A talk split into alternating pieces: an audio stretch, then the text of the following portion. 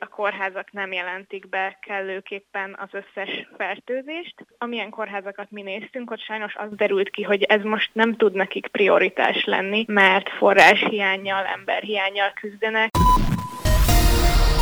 Évente sok ezer embert veszítünk el a kórházban szerzett fertőzések miatt. Milliók még mindig érzik a reálbérük csökkenését, Izraelben bármikor újabb fokozatába léphet a háború. Üdvözlöm Önöket a Klubrádió stúdiójából. Báder Tamás vagyok, mindjárt kezdünk. Breaking, a Klubrádió hírpodcastje.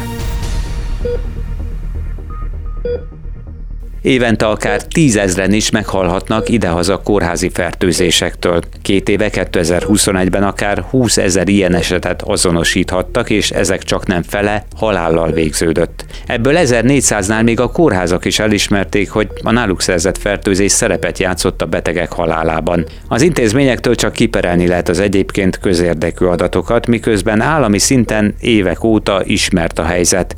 Erről beszélt a Klubrádiónak Marton Kamilla, a direkt lett 36 újságírója.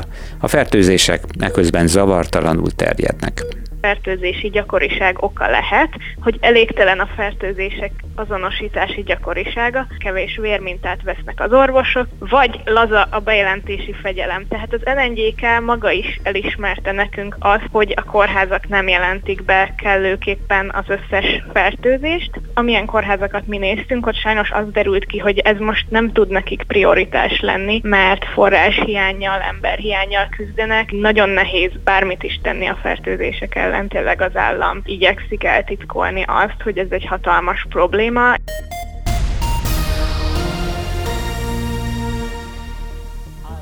békés adventet és karácsonyt szeretnék kívánni mindenkinek. A vártnál is merészebbet húzott a jegybank. A monetáris tanács 75 bázisponttal 12,25 százalékosra csökkentette az alapkamatot, amely egyébként még így is nagyon magas. Elemzők ennél azért kisebb, 25, illetve 50 bázispontos vágásra számítottak. Ezúttal az infláció alakulása és a forint erősödése is lehetőséget adott a lazításra, mondta el német Dávid a KNH-ban elemzője. Infláció az ütemesen lassult, folyófizetési mérleg is szépen javult, szintén abban az irányba hat, hogy lehet kamatot csökkenteni, és hát a piaci hangulat is, hogyha a forint árfolyamát nézzük, az is megfelelő. Ezek vannak a pozitív serpenyőben, a reálbérek még mindig csökkentek augusztusban. Tudják, ez az, amikor a keresetünkből kivonjuk az inflációt, így aztán valóban érezhetjük, hogy mennyit is ér a boltban. A bruttó érték 555.900 volt átlagosan, a nettó 383.500 forint.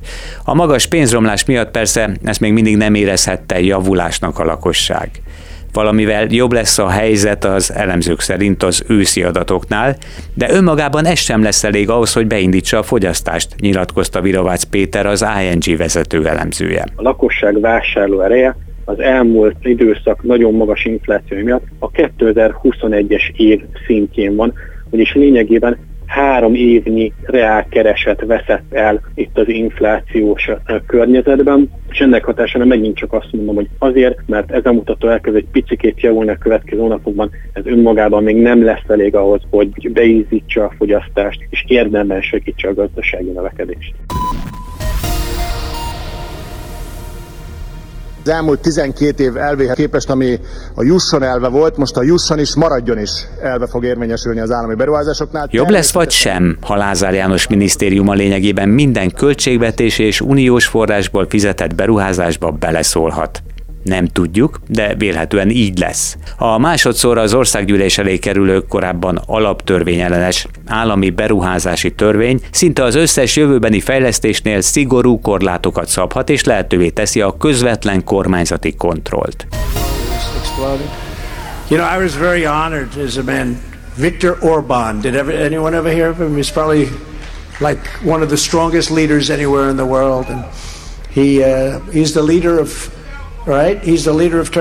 a világ egyik legerősebb vezetőjének nevezte Orbán Viktort az előző amerikai elnök, vagyis Donald Trump, de elbakiszta, és Törökország elnökének titulálta a magyar miniszterelnököt. Meg lehet csak azt érezte, hogy a két ország politikája között van némi átjárás, ebben közös pont például a svéd NATO csatlakozás ratifikációjának halogatása.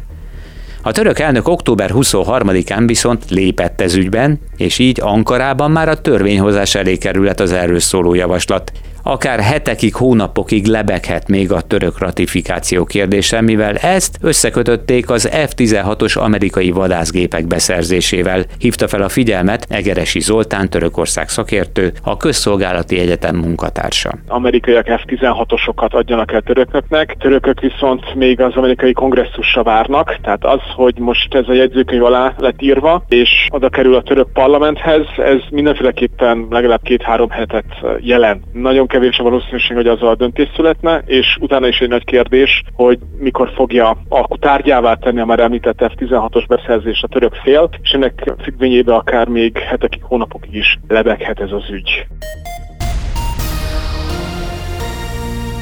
Intenzív légicsapások előzik meg a Hamas elleni szárazföldi akciót immár napok óta. Az ENSZ továbbra is hiába szólít fel azonnali humanitárius tűzszünetre Gázában. Az övezetet uraló terrorszervezet hétfőn elengedett két izraeli túsza közül, az egyik, egy 85 éves idős nő közben arról számolt be, hogy láthatóan megfelelő előkészületek is voltak a fogvatartásukhoz. Elmondta, hogy az elején még bottal is ütötték őket. Több kilométert kellett gyalogolniuk a föld alatti alagútban, a labirintusban, ami olyannak tűnt, mint egy pókháló. A későbbiekben elkezdtek félni attól, hogy a körülmények miatt esetleg bajuk esik, ezért rendkívüli módon figyeltek arra, hogy ellátásuk jó legyen, és fertőzés se terjedhessen a túszok között. A végén, mint fogalmazott, már barátságosak is voltak. És a körülmények mind arra utaltak, látszott, hogy a Hamas készült a túszok befogadására. Újabb másfél milliárd euró uniós támogatást kapott Ukrajna a 18 milliárd eurós makroszintű pénzügyi segélycsomag további részleteként. Ezt egyebek mellett a bérek, nyugdíjak kifizetésére, kórházak, iskolák fenntartására adja az Európai Bizottság. Eddig már 83 milliárd euró támogatást küldött Brüsszel, és 50 milliárd euró további segélyt is javasolt a következő évekre, egészen 2027-ig. Lengyelországban elébe ment a kormányalakítási tárgyalásoknak a négy ellenzéki tömörülés és megállapodott a parlamenti többség létrehozásáról, közölte Donald Tusk, a polgári platform elnöke. Mint elmondta, a koalíció őt támogatja kormányfő jelöltként. A lengyel államfő Andrzej Duda várhatóan a győztes pártot, vagyis az eddig kormányzó jog és igazságosság vezetőjét bízza meg először a kormányalakítási tárgyalásokkal. Úgy tűnik, ennek az időhúzáson kívül már sok értelme nem lesz.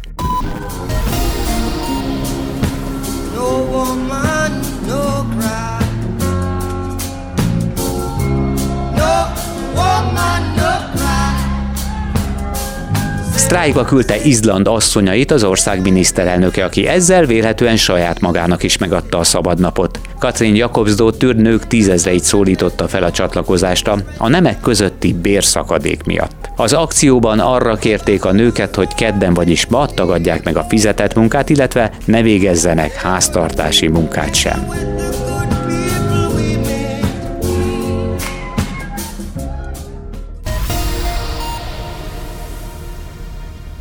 Az időjárásról mindjárt, de már most hagy hívjam fel a figyelmet, hogy tényleg itt az ősz, az utakon is, tudják, szitálás, rosszlátási viszonyok, csúszós, nyálkás utak.